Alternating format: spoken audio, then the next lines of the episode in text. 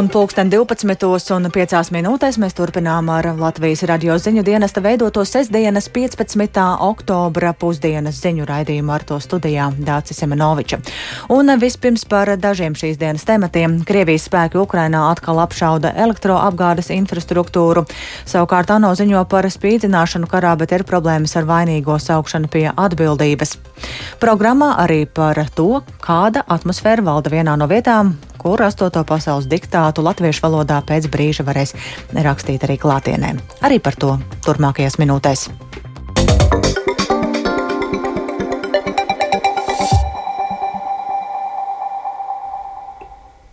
Krievijas spēki Ukrainā kārtējo reizi ir apšaudījuši elektroapgādes infrastruktūru, šoreiz galvaspilsētas Kijivas tūmā.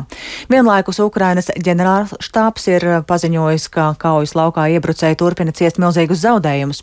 Savukārt apvienoto nāciju organizācijas ziņotāji norāda, ka pienāk ar vien vairāk ziņojumu par Ukrainas karā novēroto spīdzināšanu.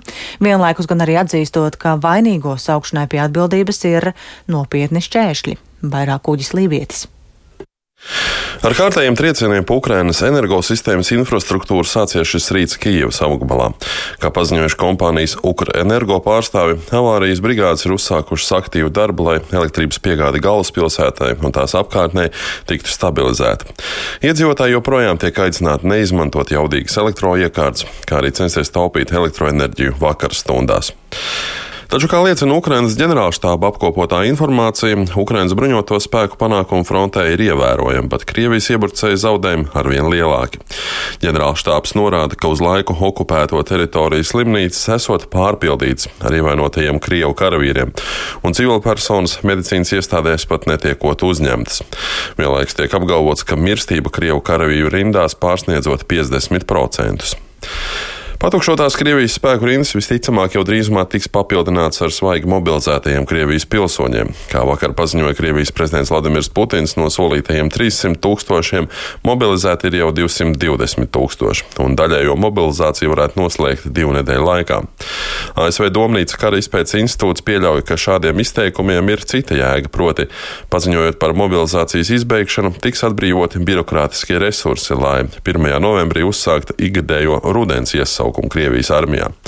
Prezidents esot uzdevis šajā rudenī iesaukt vēl 120 tūkstošus jauno karavīru.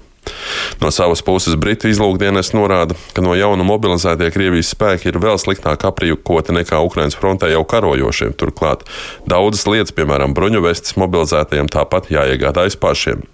Vēl vairāk, ja šādas bruņuvestes aprīlī maksāja ap 190 eiro, tagad šī cena jau ir pārsniegusi aptuveni 600. Taču tā kā vēl pirms diviem gadiem tika apgalvots, ka Krievijas armijai ir piešķirti 300 tūkstoši jaunu bruņuvestu komplektu, ir pamats domāt, ka iespaidīga apmēra korupcija un līdzekļu izsaimniekošana ir tas, kas kavē Krievijas spēku attīstību. Bet tikmēr Ukrainas jautājums šajās dienās kārtējo reizi ir pieminēts arī apvienoto nāciju organizācijas līmenī. ANO īpašā ziņotāja spīdzināšanas un citu nežēlīgu, necilvēcīgu un pazemojošu darbību vai sodu jautājumos Alisa Džila Edvards paziņojusi, ka tiek saņemtas daudz ticams informācijas par spīdzināšanu Ukrainas karā. Edvards aicinājusi abas konfliktā iesaistītās puses ievērot starptautiskos likumus. Mans birojs var saņemt ziņojumus no upuriem, un es, protams, atgādinu visām konfliktā iesaistītajām pusēm ievērot starptautiskās tiesības. Šīs dienas ģenerālās asamblejas sesijā es piedāvāju apmeklēt jebkuru no konfliktā iesaistītajām pusēm, priekšroku dodot abu valstu apmeklēšanai. Vienlaikus man jāsaka, ka mani satrauc Krievijas izslēgšana vai aiziešana no Eiropas padomes. Tas nozīmē, ka loks, pa kuru upuri spēja iesniegt sūdzības Eiropas cilvēktiesību tiesā, aizvērās šī gada septembrī.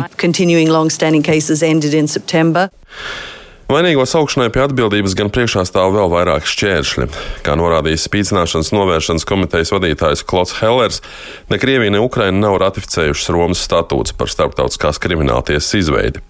Pēc 2014. gada Ukraina gan ir atzinusi starptautiskās krimināltiesas kompetenci. Ukraina vēlas panākt arī īpaša starptautiska tribunāla izveidi Ukrainā pastrādāto kara noziegumu izmeklēšanai. Taču vismaz apvienoto nāciju ietvaros šāda iespēja diez vai būs iespējama Krievijas veto dēļ. Dēļ. Hellers gan piebilst, ka aktīvi tiek diskutēts arī par to, kā šādu tribunālu izveidē varētu izmantot citas procedūras, tostarp ANO ģenerālo asambleju. Uģis Lībijams, Latvijas Radio. Turcijas ziemeļos metāna gāzes eksplozijā ogļu raktuvē vismaz 28 ogļu rači ir gājuši bojā, desmitiem iesprostoti pazemē, tā ziņo BBC. Sprādziens notika raktuvē Amasaras pilsētā, kas atrodas Melnās jūras piekrastē, un sprādziena cēlonis vēl nav skaidrs, taču tā laikā raktuvē bija vairāk nekā simt strādnieku.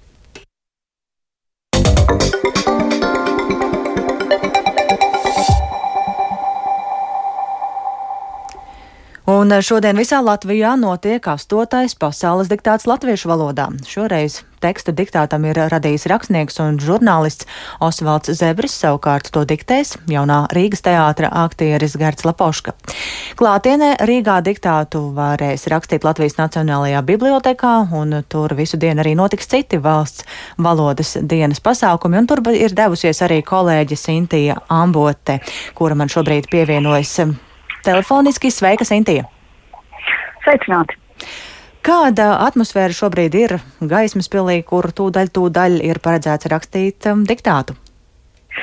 Jā, es šobrīd esmu tieši pie ziedoņa zāles, un šeit jau pēc visam īsa mirkļa sāksies latviešu valodas diktāts. Dažādu pauģu cilvēki palēnām sāku piepildīt zāli, ap simt cilvēku ir sanākuši un vēl aktīvi skatos, turpina reģistrēties cilvēki. Diktāta rakstītāji ir uzaicinājuši zīmuļus un uzmanību, lai uzmanīgi klausītos aktieru un režisoru Gerbla Poškas diktēto tekstu, un diktāts tad sāksies pulksten 12.20 un ilgs aptuveni 40 minūtes. Un cilvēki, protams, diktātu rakstīs arī tiešsaistē, kur līdz vakardienas vakaram bija reģistrējušies ap tūkstošu cilvēku bet organizatori minēja, ka skaits noteikti būs lielāks, jo vēl šajā rītā noteikti cilvēki ir reģistrējušies. Ja nu vēl kāds pēdējā mirklī saņemsies šim izaicinājumam un tieši tagad uh, klausās mūs, uh, tad ir nepieciešams reģistrēties vietnē www.raksti.org.lv. Tas neaizņem ilgu laiku, tā saka rīkotāji. Un ņemot vērā, ka šeit Nacionālajā bibliotekā norit valodas dienai veltīti pasākumi visu dienu, tad jau iepriekš arī aprunājos ar, ar dažiem cilvēkiem, kas plāno rakstīt diktātu, un cilvēki šajā ik gadu piedalās dažādu motīvu vadītī. Vieniem ir tāds azarts, pārbaudot savas latviešu valodas zināšanas un uh, diktētā teksta uztveršanas spējas, citi nāk speciāli rakstīt klātienē, lai notartu tieši to skolas uh, laika sajūtu. Uh, vai vienkārši, lai godātu mūsu valodu. Ir arī tādi, kas baidās no rezultāta, no komatiem, no pareizrakstības, bet tik un tā pildīs šo diktātu un ir saņēmuši drosmi. Jā, nu ir vēl dažas minūtes, lai paspētu pieregistrēties un varbūt arī tomēr izmēģināt savus spēkus, bet es jau minēju arī to, ka notiek gaismas pilī citi valsts valodas dienas pasākumi, kas vēl šodien ir paredzēts Latvijas Nacionālajā bibliotēkā. Arī pēc paša diktāta rakstīšanas dažādas tiešām norises šeit turpināsies. Pēcpusdienā būs iespēja satikt šī gada diktāta teksta autoru Osvaldu Zebri, kurš literārajā meistarklasē es rakstu par sevi stāstīs, kā cilvēkiem mūsdienās pierakstīt savus dzīves stāstus. Un ar teksta autoru arī mazliet parunāju pirms diktāta. Viņš atzina, ka labprāt pēc diktāta dzirdēt arī kādu atgriezenisko saikni no rakstītājiem par pašu stāstu, uh, kur tad tūlīt dzirdēsim. Uh, Vēl tāpat bibliotēkā ir arī asins donoru centra rīkotais pasākums, proti, jebkurš interesants varēs noskaidrot savu asins grupu un hemoglobīnu līmeni, un, protams, arī būs iespēja noziedot asins pieņemšanas punktā. Vēl varu piebilst, ka pērn diktātā piedalījās vairāk nekā 2500 cilvēku, no tiem tikai 12 dalībnieki diktātu uzrakstīja tiešām teicami. Nu, tad šodien kopējo aktivitāti vēl uzzināsim pēcpusdienā un iespējams arī rezultāti jau būs labāki. Akse. Jā, paldies. Mēs sazinājāmies ar kolēģi Sintiju Amboti, kura šobrīd atrodas Latvijas Nacionālajā bibliotekā, kur jau pēc dažām minūtēm būs iespēja klātienē rakstīt diktātu latviešu valodā, taču joprojām arī ir iespēja to darīt um, tieši saistē. Ar, bet mums vēl ir līdz tam dažas vēstis šajā programmā.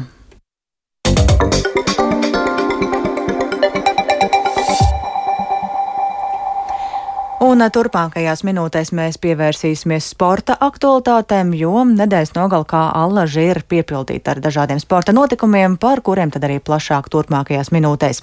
Ziemeļamerikā daži no Latvijas labākajiem sportistiem atlapst pēc veselības problēmām, citi savukārt debitē jaunās programmās, un tāpat ļoti daudz notikumu šodien priekšā, bet par tiem visiem vairāk zina stāstīt Māris Bergs. Nacionālās hokeja līgas spēlē Kolumbusas Bluejackets sezonas pirmajā spēlē savā laukumā ar 2-5 šorīt atzina Tampa Bay Lightning pārākumu.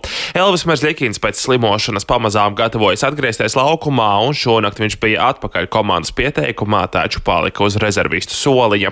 Ļoti kritisks par savu padoto sniegumu bija Bluejackets galvenais treneris Brets Larsens, un viņu klausāmies turpinājumā. Spēles sākumā mums bija mazliet enerģijas, bet tas, kā šovakar spēlē, spēlējām, mani neapmierina. Bijām ļoti vienaldzīgi, mēs vienkārši nebijām gana labi, pat ne tuvu. Sezonas pirmajā spēlē bija daudz labu lietu, ko paņemt līdzi, bet šovakar nē. Bija daži neveiksmīgi rikošeti, bet ne jau tāpēc zaudējām. Zaudējām, jo pretinieki vienkārši bija labāka komanda. Runa ir par vienaldzību, par izpildījumu. Cik daudz kļūdu mēs šovakar pieļāvām? Tas ir kā barot lauvu, un pēc katras kļūdas viņi uzreiz uzbrūk. Pazaudēti spēlētāji, visas šīs kļūdas mums nebija pirmajā spēlē. Dosimies uz St. Louisu pret komandu, kas būs atpūtusies un gatava. Ja neuzlabosim savu līmeni un izpildījumu, tad tas būs garš vakars. Blūdžakats nākamā spēle jau naktī uz svētdienu, trijos no rīta pēc Latvijas laika pret St. Louisas Blues hokeistiem. Latviešu līdzjutējiem šovakar uzmanība jāpievērš sezonas pirmajam latviešu klubu duelim NHL. Jau astoņos vakarā Rudolfs Balcers un Floridas Panthers dosies laukumā pret Buffalo Sabres, kur jau desmito sezonu pēc kārtas spēlē Zemgus Girgensons. Amerikas hokeja līgā jeb AHL šorīt ar precīzu metienu savā jaunajā komandā debitēja Kristians Rubīns, viņam palīdzot Bēl Belivilas senators ar 6-5 uzvarēt Lavālas Rockets. Artūra Šilava Abotsfordas Keneks sezonu iesāk ar smagu zaudējumu pret Ontārio Reina ar 2-8. Šilavas laukumā devās tikai 6 minūtes līdz spēles beigām, viņam atvairot divus no trim pretinieku metieniem. No sporta notikumiem centrālo uzmanību šodien būtu jāpievērš basketbolam.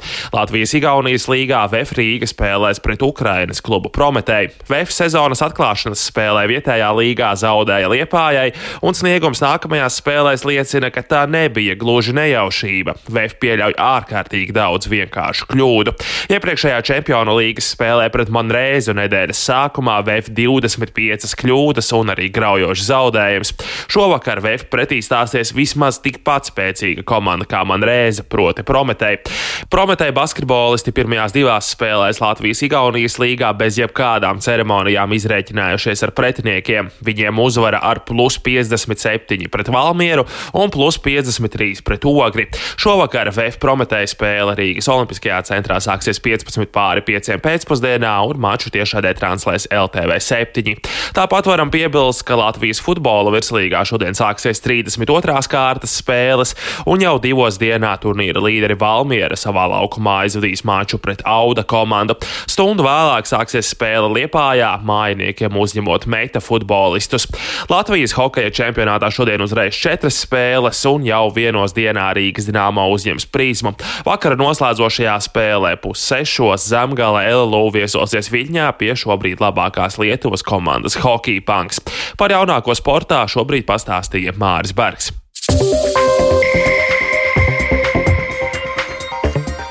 Un ar to izskan ziņu dienesta veidotā programma Pusdiena. Producents Viktors Pupiks ierakstus montēja Uldis Grīnbergs par labskaņu rūpējās Mārtiņš Paeglis un ar jums sarunājās Dāca Simenoviča. Vēl īsi par svarīgāko. Krievijas spēki Ukrainā atkal apšauda elektroapgādes infrastruktūru. Savukārt tā nav ziņo par spīdzināšanu karā, bet ir problēmas ar vainīgo saukšanu pie atbildības. Metāna eksplozijā Turcijas ogļu raktuvē vairāki desmiti bojā gājušo un jau tūdaļ pasaules pasaules diktāts latviešu valodā. Daļa to raksta klātienē Latvijas Nacionālajā bibliotēkā vai arī vēl vairākās citās vietās Latvijā, bet pārējiem iespēja to darīt tiešraidē.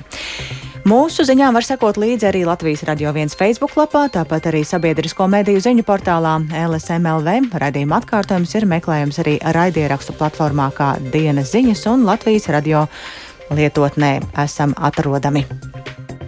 Yeah.